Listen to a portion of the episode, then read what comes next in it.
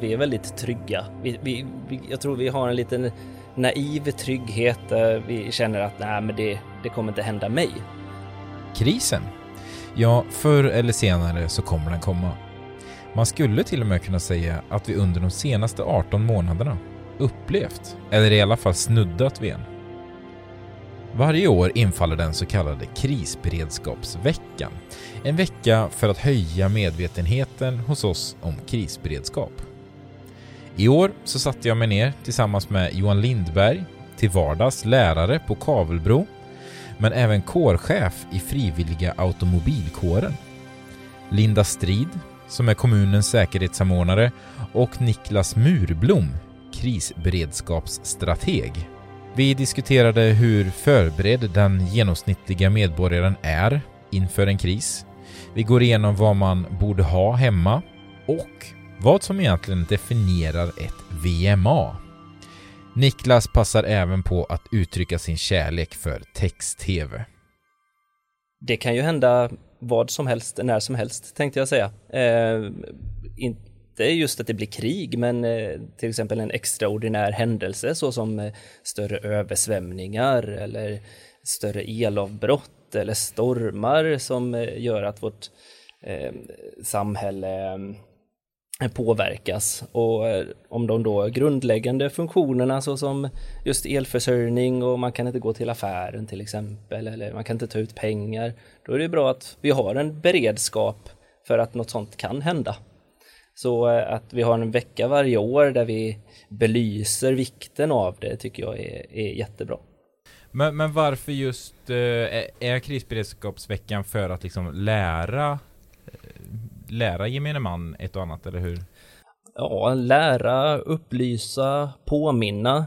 Ehm, de flesta invånarna i Sverige har ju hört det här om beredskap tidigare, men eh, eh, repetition i kunskapens moder och eh, i och med att inte, nu har vi ju för sig en, en, pandemi som pågår och som har pågått ett tag så nu har vi väl på det sättet blivit påminda om det här med beredskap.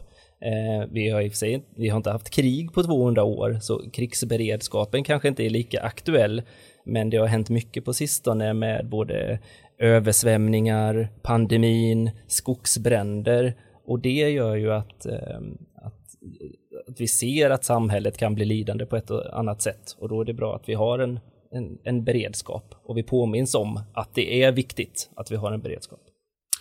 Johan, vad, vad skulle du säga klassas som en, en kris? Ja, men det, en kris definieras ju av att det är någonting som eh, alltså det bryter samhällets normala struktur och normala mönster. Det blir en, en påfrestning på samhället helt enkelt som är svår att hantera. Eh, och det är precis som Niklas säger, det kan ju vara egentligen vad som helst. Det kan vara såväl översvämningar som elavbrott. Pandemin kan väl klassas på ett sätt som en kris att i alla fall här när man började se i samband med vaccinationerna att det var många som blev sjuka samtidigt och alltihopa mm. det här, då, då påfrestar det ju samhället enormt. Alltså, om man kollar på MSB gör skillnad på kris och extraordinär händelse. Eh, kris kan man väl säga, det, det, är något som händer som drabbar ett stort antal människor eh, nationellt, som till exempel pandemin där, där det blev en kris när sjukvården gick på knäna. Eh, Man kan de, väl nästan säga att de normala resurserna räcker ju inte till. Nej, precis. Um, i, I Gävle, det är klart att de som var med där, de, de känner ju absolut att de är i en kris. Men man kan mer, om man eh, lyfter blicken lite så är det ju en isolerad händelse på en isolerad plats. Och då kan man mer räkna det som en extraordinär händelse som hände just i Gävle då. Eller som de stora bränderna i Sala. Det, det drabbade ju ett antal människor där men det, det är ju inte så stort så att det räknas som en nationell kris i alla fall. Men kan man inte prata om en lokal kris då? Det kan man absolut. Eh, kris blir det ju mer när, när, när det drabbar liksom eh, ja, st större, eller vad ska man säga, samhällsviktiga funktioner, till exempel elförsörjning, vattenförsörjning eller om det hotar vår frihet eller vår demokrati. Eh, då kan det mer ses som en, en kris. Eh, extraordinär händelse, då är det mer, då, då funkar det mesta. Eh, elförsörjning, vattenförsörjning, men det är ju klart att man förstår de som är mitt i det och kanske måste lämna sina hem för att eh, på grund av skogsbrand eller översvämningar. Det är klart att det är en kris för dem.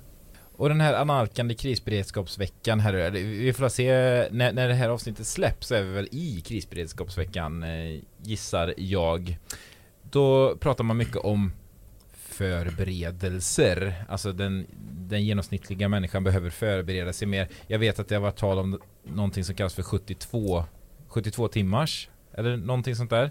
Precis. Hur förberedd är den genomsnittliga svensken idag inför en kris? Jag tror inte att alla har tyvärr inte en krislåda hemma.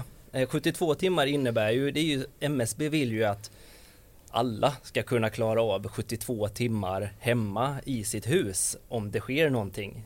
Säg att man kan inte gå ut på, på grund av ja, en händelse och eh, då vill man att alla ska kunna klara sig hemma i hemmet, hålla sig hemma under 72 timmar och klara sig med mat, vatten, värme. Eh, ja, så att eh, samhället och de myndigheterna ska kunna jobba för att få samhället på fötter igen. Ja, men 72 timmar är också, det är ju absolut minimumet. Alltså man säger ju nästan att man ska ha saker hemma för att klara sig den första veckan. Och det är ju mm. just för att har det hänt någonting så extremt så ska ju de som är i akut behov av hjälp kunna få det. Mm, eh, så, så att eh, det vill ju till att ha både mat och vatten och andra nödvändigheter så att det finns till hands. Och tänk dig att du eh, vaknar upp en morgon, eh, din, eh, du kollar på din telefon, eh, den verkar lite konstig. Eh, du går upp och försöker tända lampan och den eh, tänds inte. Eh, och du går vidare och försöker sätta på allting möjligt och det finns ingen elförsörjning i ditt hem. Eh, du får ingen information någonstans för allting är avstängt, för elen funkar inte. Eh, då är det viktigt att ha de här behoven med sig. Eh, det kan ju bli ett längre strömavbrott som pågår i flera timmar, som blir flera dagar och sådär. Och det första man ska göra är att skaffa sig information om det pågår en längre tid, inte handlar om en eller två, tre, fyra timmar utan att det går en längre tid under dagen. Och då kan man ju få lite information från olika platser. Eh, och bland annat så kommer det ett viktigt meddelande till allmänheten då ska du befinna, om du befinner dig inne ska du stanna kvar inne. Och eh, befinner du dig ute så ska du ta dig in. Och eh, då ska du också slå på radio eller text-tv. Kan vi bara stanna mm. lite vid viktigt ja. meddelande till allmänheten ja. eller ett så kallat VMA? Ja. Kan, kan vi prata lite om vad det faktiskt är? Då kan jag ju direkt promota den här om kriset eller kriget, eh, krisen eller kriget kommer. För det står det ju förklarat i här då vad de olika mm, signalerna betyder. Eh, om man tittar då på eh, ett vanligt viktigt meddelande till allmänheten är det signal 7 sekunder, uppehåll i 14 sekunder.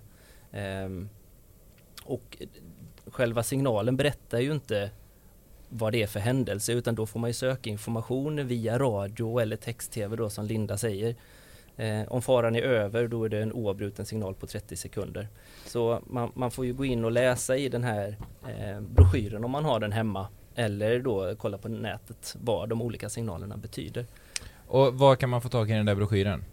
Ja, den skickades ju ut. Eh, alla svenskar fick ner den i sin brevlåda för några år sedan. Eh, men den går ju att hitta på nätet på MSBs hemsida. Om krisen eller kriget kommer? Ja, precis. Men ja, okej, okay, så viktigt meddelande till allmänheten. Där har vi Hesa Fredrik är en sorts viktigt meddelande till allmänheten. Eller snarare tut tut nu finns det någonting viktigt att ta del av. Sök upp informationen. Precis. Precis, och sen kan man ju se att eh, ibland går ju räddningstjänsten ut med eh, viktigt medel till allmänheten om det brinner exempelvis i en stad och eh, som kommer påverka de boende i närområdet. Då går de ut antingen på via ja, tv och, och, radio och även via den där krisinformationsappen eh, som man kan gå in på.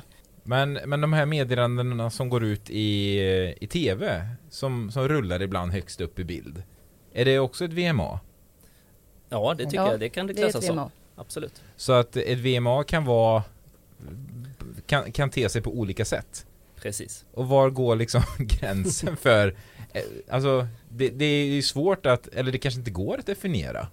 bättre? Ja, men det, är väl, det är väl lite så att alltså Hesa Fredriks hörs ju inte överallt utan eh, det handlar ju om att får du information på något sätt om att nu, nu verkar det hända något konstigt så är det ju våran skyldighet att se till att bli uppdaterade och informerade och som sagt eh, de här bannerna eller vad man nu kallar det när det rullar förbi i tv-rutan det är ju ett annat sånt sätt att nu händer det någonting i ditt närområde Mm. eller här och befinner du dig där så står det ju ofta att slå på radion exempelvis för att få mer information vad räddningsledaren säger i det specifika fallet. Och eh, det är P4 som man ska ratta in vid viktigt meddelande till allmänheten. Ja. Eller Mm. text-tv sidan 599. Använder man text-tv fortfarande? Gör ni det själva? Ja, ibland. Ja, Nej. ibland faktiskt. Ni gör det? Ja. Eh, Johan, du gör inte det? Nej, det vet inte varför det är egentligen. Man får reda på väldigt mycket och det, men nej, det har inte blivit så. Linda och Niklas, varför använder ni text-tv? Det vill inte jag skjuta ner text-tv, men jag, jag, vad, vad Nej, får man reda på där som man inte får reda på någon Ja, men går man in på huvudsidan eller första sidan då kommer de absolut viktigaste nyhetsrubrikerna. Alltså de- har sållat bort allt skräp som man hittar på nyhetssajterna på nätet. Utan där ser man de viktigaste eh, nyheterna. Det är som ett, som ett filter Ja nästan. men lite så, Ja okej, Mm. ja. Så vi kan slå ett litet minislag då kanske för, för text-tv? det tycker jag. Det Ja, lever absolut. fortfarande. Ja, det tycker jag. Vad kan man göra då för att bli bättre, eller vi kanske aldrig svarar riktigt på frågan hur förberedd är den genomsnittliga människan? Nej, vi börjar väl skapa lite på det, men jag tror inte att den är den genomsnittliga Sverigeinvånaren eller Skövdebon är inte så förberedd. Och anledningen till det är att vi är rätt trygga i, i Sverige. Vi har inte varit i krig på eh, mer än 200 år. Det har inte hänt eh, några större händelser, alltså stormen Gudrun, skogsbränderna, det är extraordinära händelser som har hänt men det har varit lokalt eh, drabbade områden. Eh, så jag kan tänka mig att de, de områdena som har varit med om det har säkert lite högre beredskap än till exempel Skövde som inte haft någon större störning på länge. Så det är väl det som kan ses som lite positiv effekt av pandemin om man nu kan dra några positiva slutsatser är att nu, nu märker vi att vi kan utsättas för någonting som kan ske bara över en natt. Eh, och det gör kanske att man har, kommer ha lite bättre beredskap efter den här pandemin. Det är väl bara fråga de som driver livsmedelsbutiker hur det såg ut i början där. Jo men precis, det har vi ett tydligt exempel på att folk inte var förberedda. För helt plötsligt så var konservhyllorna tomma, toalettpappret tog slut. Eh, och det är ju ett tecken på att folk inte hade det hemma eller var förberedda på att man inte kunde gå ut på, eller borde gå ut och umgås och vistas bland folk eh, på några mm, dagar då. Man kan ju säga dels så är det ju den här informationen som vi pratat om nu. Det är ju viktigt att ta reda på vad är det som faktiskt har hänt. Eh, men sen så, så har man, kan man ju göra en sån här förträfflig eh, krislåda att ha hemma. Ja, du, ja precis, du har ju med dig en, en krislåda här. Ja, precis. Som det till och med står krislåda, på. Krislåda på. Ja, och man kan ju ha den här krislådan i, i sån här plast så att den inte om man har det i papper så kan ju det kanske komma vatten eller någonting och så går den sönder. Eh, så, så plast är bra så att den håller. Eh, och det som är bra att ha i en krislåda, man behöver inte ha specifikt i lådan, man kan ha det på ett utrymme så man vet att vid kris går jag hit och hämtar saker. Grundläggande behovet nummer ett, det är vatten. Vi måste ju dricka för att vi ska kunna överleva. Vi behöver ungefär, du får fylla på där, eh, en och en halv till två liter vatten grundläggande eh, som människa. Vi behöver dricka varje dag. Men vi behöver få i oss minst eh, tre liter vätska och det är i form av då både vätska, eller vatten och mat. Och vatten är ju viktigt i alla hänseenden. Vi ska tvätta oss i vattnet och vi ska även laga mat i vatten. Och då kan man ju antingen börja förvara vatten. Eh, och det kan man göra genom att eh, hälla i vatten i en petflaska och frysa in. Och man kan även eh, själv ta dunkar, eh, skölja ur dem med kokhett vatten så de är steriliserade. Hälla på med vatten och upp till eh, ja, toppen då. Lägga en plast, eh, över och sen så skruva på hårt för att vara kallt och mörkt. Fråga ett. Hur länge håller sig, eller hur länge klarar sig vatten? Den Ja. typen av vatten alltså som, som, som man ska kunna gå och, och dricka. Några månader Mm. kan man säga, beroende på att man har gjort det sterilt från början, eller hur? Precis, Mm. och det är ju mörkare och kallare så ju längre tid om jag så, så har jag fått förklarat för mig i alla fall. Om man Okej. kollar på Livsmedelsverkets eh, hemsida, de har inte, det finns inget så här exakt att så här länge håller vattnet Nej. utan precis som ni säger så beror det på hur de förvarar det, hur steril eh, behållaren är och sen får man ju smaka och lukta på vattnet. Ja. Eh, Smakar och luktar unket då kanske man inte ska dricka. Sen är det ju naturligtvis viktigt att man renar vattnet. Det som man dricker om man har fått vattnet från någon annanstans. Man kan ju bland annat gå och hämta vatten vid en kris, eh, vid viktiga samhällsfunktioner som hjälper till med det. Ja, nu, nu har du med något mer här. Ja. ja, det var en sån vattendunk. Ja, och för att du ska kunna hämta vatten, du kanske behöver gå för du inte har någon eh, bensin eller el i din eh, bil. Eh, då behöver du ha sådana här dunkar i alla fall hemma som du kan bära och få med dig vatten från den här eh, utskänkningsplatsen då för vatten. Är det realistiskt att tro att folk har liksom 30 liter vatten i, i källaren? Eller räcker det, inom citationstecken, med att faktiskt ha dunkar så att man kan gå och hämta vatten? Kommer det att ställas ut vatten vid en kris? Ja, alltså det- finns något som eh, Skövde kommun har som heter nödvattenplan. Alltså om vattenförsörjningen störs på något sätt så, så har vi en plan för hur vi ska distribuera vatten till kommunens invånare. Dock så ska man vara väldigt medveten om att det kommer prioriteras. Alltså vattenförbrukning kommer prioriteras till sjukhus, andra vårdinrättningar. Så du som privatperson kan absolut inte räkna med att du får lika mycket vatten som du har vid icke-kristillfälle. Eh, men ja, det kommer ställas ut så man kan gå och hämta vatten, men inte alls i den omfattningen som man är van vid. Jag tänkte säga det är ju fem, eh, fem behov minst som man ska ha då vid hemkrisberedskap. Man har ju alltid ett behov. Och det andra viktiga det är ju mat förstås. Eh, man ska ju ha mat hemma för att kunna överleva. Eh, Och det som man rekommenderar det är ju att man har torrvaror eh, eh, förvarat. Nu, håller du upp något, Ja. är det något, Jag ska- jag vill inte- ris? ja, det är ris exempelvis. Ja. Eh, man kan ha ris, man kan ha potatispulver, ja, med kaffe om man vill ha det. Eh, man kan ha alltså torrvaror som, eh, som tål rum, rumstemperatur, eller man kan säga varor som tål rumstemperatur. För eh, när exempelvis det, strömmen går så kan du ju inte förvara dina varor alldeles för länge i varken frys eller kyl. Eh, och det är också rekommendationer att eh, beroende på årstid då eh, så kan man ju förvara sina varor ute eh, om det är kallt exempelvis. Men på, på sommaren när det, elen slutar fungera så har du ju en frys och kyl att ta hand om. Och dels så ska du ju tumma din kyl eh, från de varorna som kan ruttna eller förmultna snabbt då om det är en riktig kris. Och sen så kan du hålla, man säger ungefär att man kan hålla frys, om man håller frysens dörr stängd så kan man eh, ha va- matvarorna upp till två dygn. Men det beror naturligtvis på vilken frys du har. Så det får man ju kolla lite. Ja, har du någonting mer i lådan? Det som är bra att ha det är ju bland annat första förband. Om du skulle skada dig, plåster och lite andra sådana saker. Eh, och även om du har mediciner så är det bra att ha en krislåda. Och att du tar ut mediciner i tid, att du inte väntar till den här sista dagen utan att du verkligen eh, kan lägga ner om det blir en kris då så har du det på samma plats. Ja. Och det, då kan man ju passa på att flika in det också att det, det är ingen dum idé kanske i krislådan att lägga i en kortlek eller någonting Mm. också så att man har eh, sysselsättning. För jag menar, barna, eh, om man har sådana, är ju inte jätteglada i att kanske sitta under köksbordet hela dagen.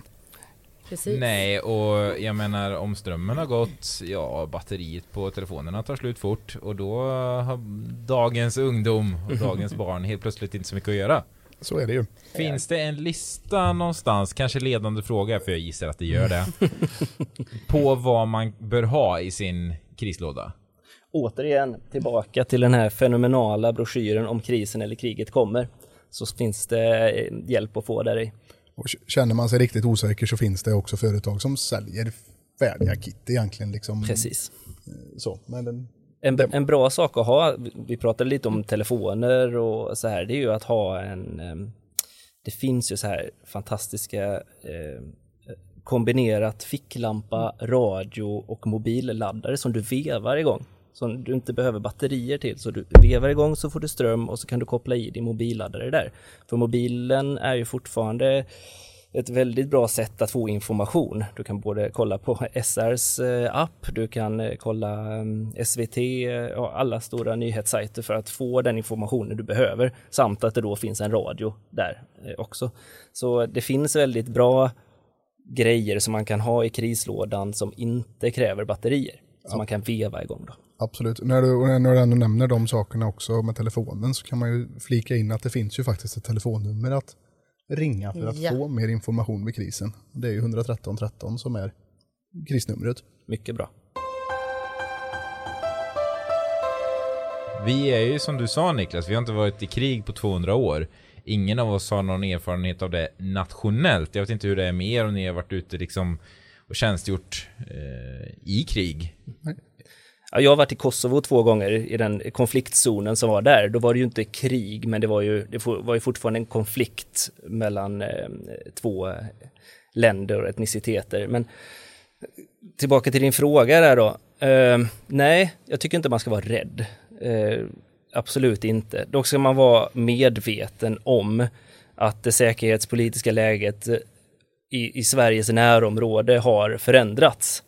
Det var senast förra året som vår försvarsminister sa att ett angrepp mot Sverige inte längre kan uteslutas. Och då syftar man ju närmast på Ryssland då. Ehm, det, det finns inga tecken på att vi skulle bli anfallna i, imorgon eller nästa vecka, men vi ska vara medvetna om att Ryssland flyttar fram sina positioner. Både som exempel när de gick in i Georgien, eh, annekteringen av Krim, till exempel i Ukraina då, och som vi kunde höra på radio idag eller läsa i media om den största ryska och belarusiska övningen eh, som har skett i, i Sveriges närområde på jättelång tid med över 200 000 soldater. Så rädda för krig? Nej, men vi ska vara medvetna om att det finns eh, länder som, som rustar upp och som bygger en förmåga som på sikt skulle kunna påverka Sverige. Vilket oerhört liksom eh, politiskt korrekt svar. jag, jag är lite mer så här, ja men okej, Ryssland rustar upp, de går in där och där, ja, då kan de väl gå in i Sverige också. Det gör mig, det gör ju mig skiträdd. Ja, det kan de, men de, vi har ju våra allianser också. Både vår nordiska försvarsallians och sen vi är inte medlemmar av NATO, men vi har ju solidaritetsförklaringar med flera länder genom då vårt, vårt arbete i utlandsstyrkan, FN, eh, NATO-insatserna i till exempel Kosovo och Afghanistan. Där har vi ju en solidaritet med flera av länderna som vi har samarbetat med där. Men den närmsta alliansen vi har är den nordiska försvarsalliansen, så det blir ju inte, det blir ju inte gratis. Hur skulle, det- ja förlåt Johan, du skulle säga något. Ja, nej, men jag skulle säga det att jag för mig att MSB gjorde någon sån där liten kampanj om det också. Alltså var beredd, inte rädd. Och det, Precis. det, det ligger ju mycket i det. Och sen, Den är de nöjda med, det är ord, eller den ja, men det, det är någon kommunikatör där som har tänkt det. Ja, Eh, nej men och sen är det ju, det är ju mycket där jag har mina rötter, eller på att säga, i uh, frivilligrörelsen. Och där har ju vi ett viktigt uppdrag att hjälpa till att stärka eh, det totalförsvaret, alltså både det militära försvaret och det civila försvaret. Så jag tycker ju, som du sa, att du, man blir lite rädd och nervös. Ja men spana in, det kan ju faktiskt vara så att de kompetenserna som du har i din civila roll om man säger och ditt vardagliga liv är kompetenser som Försvarsmakten har nytta av och man kanske inte verkar och jobbar i Försvarsmakten fullt ut men man har ett avtal som säger att när det blir höjd beredskap och när det skorpar till sig i samhället så kan jag komma in och hjälpa till med det jag, det jag kan. kan du inte berätta lite om eh, organisationen och, som du är, är medlem i och, och, och vad ni gör? Jo men det kan jag väl absolut När göra. du ändå är här tänker jag. Ja men det var ju trevligt. Ja. Nej men vi, jag, jag tänker jag börjar i, vi är en av 18 stycken frivilliga försvarsorganisationer. Så det innebär att vi eh, har stöd av, eh, från myndigheter för att så att säga lösa den här uppgiften att eh, stärka civil- totalförsvaret. Eh, just den eh, organisationen jag är med i, vi verkar civilt. Nästan uteslutande just nu. Och vi utbildar förare främst åt Trafikverket, Svenska kraftnät, olika länsstyrelser och ser till att det finns en, en beredskap för när det händer någonting. För transporter är ju ett sånt här utsatt område som måste fungera. Eh, oavsett hur läget ser ut i världen så måste det komma fram mat, det måste komma fram eh, eh, post, det måste komma mediciner och så vidare. Eh, och där har vi en, ett uppdrag så att säga, att se till att det fungerar. Eh, och sen finns det ju andra organisationer då som har eh, andra eh, kompetensområden. Så att det, det är ju egentligen min största drivkraft och att vi har kommit in och har ett så bra samarbete som vi har mot eh, just Skövde kommun just nu. Det är ju att vi som frivilliga organisationer lokalt samarbetar väldigt mycket och marknadsför oss med att alla behövs och det finns en plats för alla oavsett om man gillar fordon eller om man gillar eh, hundar, om man eh, tycker om djur överlag så finns det de som ska gå ut och hjälpa till på bondgårdar och eh, sådär. Så liksom alla kommer att behövas när en kris kommer, när krisen eller kriget kommer och det för det gör mycket och just den här känslan, jag har ju själv varit med uppe och hjälpt till både i eh, Västmanland och Ljusdal och kört eh, bandvagn där uppe i eh, brandhärdarna. Och den responsen man får ifrån lokalbefolkningen man springer på, alltså det är ju värt hur mycket som helst. Och är ju en enorm egoboost. Mm. Så, så att, Berätta hur det går till. Alltså, du, här, du är med här helt frivilligt. helt frivilligt. Får du, har man något avtal då med sina arbetsgivare att man får sticka iväg vid en sån händelse? Precis så är det. Så att man, eh, man tecknar ju ett avtal. eh, Just i mitt fall så har jag ett mot Trafikverket. Som, eh, där jag så att säga när jag gick med fick gå till min chef innan utbildningen och säga att nu vill jag göra det här.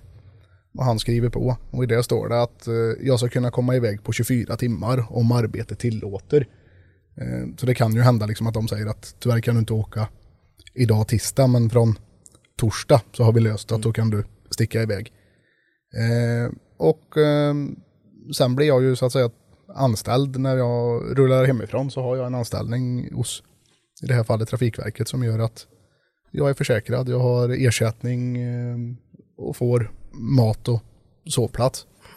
Ehm, och så fungerar det ju på de militära avtalen egentligen också, liksom att du har ett, ett avtal mot Försvarsmakten, att du går in och eh, stärker upp. Just hemvärnet har ju antingen så går man ett fyra dagars avtal, att man förbinder sig att fyra dagar om året så står man till förfogande för att öva.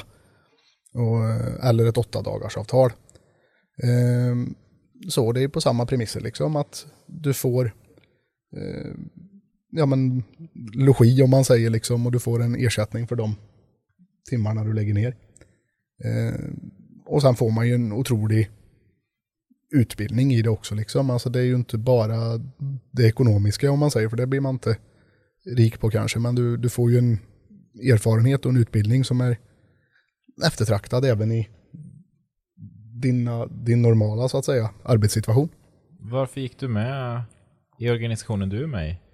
Ja, det var egentligen min pappa som var med och när jag började köra lastbil och inte kunde spela fotboll längre för jag jobbade dumma tider så sa vi att eh, då ska vi göra något annat roligt ihop. Eh, så då sneglade vi till oss att eh, man skulle göra den här bandvagnsutbildningen. Så att den gick vi ihop och satt och körde såväl dag som natt ute i skogarna där och lärde oss orientera och lärde oss att framföra fordonet. Och sen har vi hängt ihop i det så vi har suttit i styrelsen ihop och vi har nej, haft jävligt mycket roligt. Så att, eh, En far och son-grej alltså? ja men så blev det. Ja, vad kul. Ja men det, som sagt, så det, nej, det var en häftig upplevelse. Så vi har varit iväg och släckt bränderna ihop också i, i olika omgångar och sådär, men ändå. Det, nej, det är häftigt. Men hur, hur skulle ett krig se ut idag? Man har ju en bild av hur ett krig ser ut. Man ser på tv hur det ser ut i Mellanöstern ofta. Eh, till exempel, om Sverige skulle hamna i krig eller konflikt som ni kallar det. Är det så som man ser på tv? Eller hur, hur skulle ett krig år 2021 se ut i Sverige? Alltså man pratar ju idag om en hybridkrigsföring. Det är inte bara vapen och ammunition eh, nu, utan nu är det ju mycket kring det här med cyberkrigföring. Men jag tror att om det nu skulle bli så att regeringen säger att Sverige är i krig, då skulle det nog krävas ett väpnat angrepp. Redan idag så är det ju, vad ska man säga, cyberattentat mot Sverige. Det är, så det, det, är ju en form av krigsföring. Så det är inte, som jag sa, inte bara vapen och ammunition längre, utan det går ju att bedriva krig i, i cyberrymden också. Det är ju därför Försvarsmakten nu har inrättat ett center för eh, cyberförsvar. Um, men jag tror att för att Sverige ska hamna i krig så krävs det nog ett mer, ett väpnat angrepp. Lite det man ser framför sig när man ja. hör krig. Ja, ja, precis. Men på ren svenska, kommer, det, kommer folk liksom dö? Om, om kriget skulle komma hit? Jag tänker, eller kommer då den här eh, makten och de kommer hit och säger att nu gör vi så här, annars kommer det här hända. Ja. Och så är det bara att rätta in sig i ledet, eller Nej, vad alltså, tror du? Sverige är ju, vi säger ju att vi kommer inte ge upp. Alltså vi kommer ju kriga till sista man. Eh, vi kommer ju inte bara ge upp och säga välkommen, ta över Sverige, utan om ett land vill gå in och ta Sverige så får de kämpa för det. Och så är det. Vi har en stark försvarsvilja i Sverige eh, och eh, så kommer det bli eh, och vara om det, om det blir krig. Då kommer vi kämpa till sista man. Mm. Det är lite, jag tycker det är lite tungt att, att, att, prata om det där eftersom man vet att det här händer och sker ute i världen mer eller mindre hela tiden. Och vad är det som säger att Sverige kommer klara sig från det här i 200 år till? Alltså, sen har väl vi fördelen, nu pratar jag, jag ju inte så jätteinsats i just politiska frågor så, men en sån tanke man har är ju ändå att det ska finnas en avskräckande effekt. Och jag menar, Niklas nämnde ju förut att vi har samarbeten med andra länder och sånt här. Och jag menar, det är ju en stor del av det att de som kommer hit ska veta att det finns eh, en motståndskraft och det finns också attackerar ni oss så kommer de här och stöttar och hjälper oss. Och jag menar det är ju det är de fina delarna med samarbeten. Mm. Kommunen då? Hur skulle kommunen påverkas? Vid ett, eh, ja, men vi kanske inte måste dra det så långt som krig. Men vi kan väl säga vid, vid, vid kris. Vad gör kommunen? Vad har kommunen för skyldigheter? Kommuner gör exakt samma saker i, i kris och krig som det gör i, i fredstid eller icke-kristid. Alltså det, kommunerna har egentligen tre huvud, huvuduppgifter och det är värna civilbefolkningen, upprätthålla de samhällsviktiga verksamheterna och då, om det är krig, eh, bistå Försvarsmakten med, med de behoven som de har. Så egentligen även fast det är kris eller krig så, så ska kommunen lösa samma uppgifter som de gör vanligtvis. Alltså elförsörjning, vattenförsörjning, äldreomsorg, eh, barnomsorg och, och, och de viktiga bitarna som vi gör vanligtvis. Sen så är det klart att eh, kommunens verksamheter kan påverkas och det har man ju sett nu under pandemin att det har gjort. Vissa verksamheter har inte varit igång överhuvudtaget, men då har de sektorerna stöttat andra sektorer som har varit i, i större behov av eh, personalresurser eller annan typ av, av stöttning. Då. Men grunden är att kommunen ska lösa samma uppgifter i kris och krig som de gör vanligtvis. Men har kommunen någon skyldighet gentemot invånarna? Jag tänker på ja, men till exempel som, som Linda pratade om den här krislådan, att man ska ha mat hemma och etc.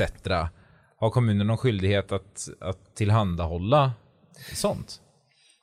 Ja, alltså enligt eh, deras huvuduppgift nummer ett då, värna civilbefolkningen, så ska de ju stötta dem. Men där görs ju en prioritering och då åter tillbaka till det här med 72 timmar, att kommunen behöver ju prioritera de som inte klarar sig själva vanligtvis. Äldre, sjuka, eh, barn, barn mm. funktionshindrade. Så kraftsamlingen kommer ju bli ditåt. Därför är det så viktigt att, att vi har en egen beredskap. Men det är ju, det är ju där kommunens skyldigheter ligger. Men det är inte så att kommunen har ett stort förråd någonstans med tre ton konserver som vi står och delar ut på löpande band? Eh, inte vad jag känner till idag. Men det finns ju planer för, alltså det finns ju krisledningsplaner, nödvattenplan som jag pratade om innan och sen så finns det ju Eh, andra planer för hur vi ska hantera en kris. Men sen så vi har ju hjälp av Länsstyrelsen eh, i Västra Götaland också. Och vi, Länsstyrelsen har ju till, sam, eh, till uppgift att samordna. Så om, om Skövde är extra utsatt, vi har brist på mat, vatten, ja då får vi stöd från de kommunerna som eh, ligger runt omkring då. Om de inte är lika påverkade. Man kan säga att eh, om kommunens resurser inte räcker till så går man upp till länsstyrelsens nivå. Mm. Och räcker inte länsstyrelsens nivå till så är det den nationella nivån. Som eh, exempelvis bränderna som har varit i, i Sverige, då har vi till och med hämtat eh, kraft utifrån. Exakt. Mm. Och sen kan ju kommunerna, och det håller man ju på och bygger upp här också, alltså ta in eh, frivilliga resurser där också. Man pratar om någonting som heter frivilliga resursgrupper exempelvis som ska kunna gå in och stärka. Eh, då kanske vi inte pratar just den extrema krisen utan då är det kanske mer de här extraordinära händelserna när det blir översvämningar och det blir eh, annat så. Så har man folk som står beredda att gå in att ja, men bära sandsäckar eller hjälpa till där där det behövs. Mm. Dela ut de här nödvattentankar och, och annat.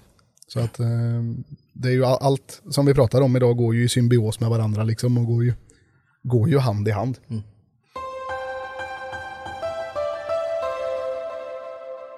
Inför att vi skulle sitta här ner och, och prata idag så skickade vi ut på våra sociala medier att folk kan få ställa frågor och sådär intresset var väl sådär. Eh, det var lite halv, halvsvalt. Varför tror ni att det är så? Eller att det var så? Jag tror li lite, lite handlar om det som du har varit och tassat på ett par gånger här. Att man är lite, lite rädd för frågan. Alltså det är obehagligt att tänka på att livet inte kanske är som vanligt. Eh, där man skyddar sig själv lite från, från det genom att det är lite Nej. syns det inte, finns det inte. Ja, men lite så. Mm. Det, det är en aspekt och den andra aspekten tror jag som jag nämnt tidigare också, att vi är väldigt trygga. Vi, vi, vi, jag tror vi har en liten naiv trygghet där vi känner att nej, men det, det kommer inte hända mig. Eh, och där ligger väl en liten fara när det kan hända när som helst, vad som helst.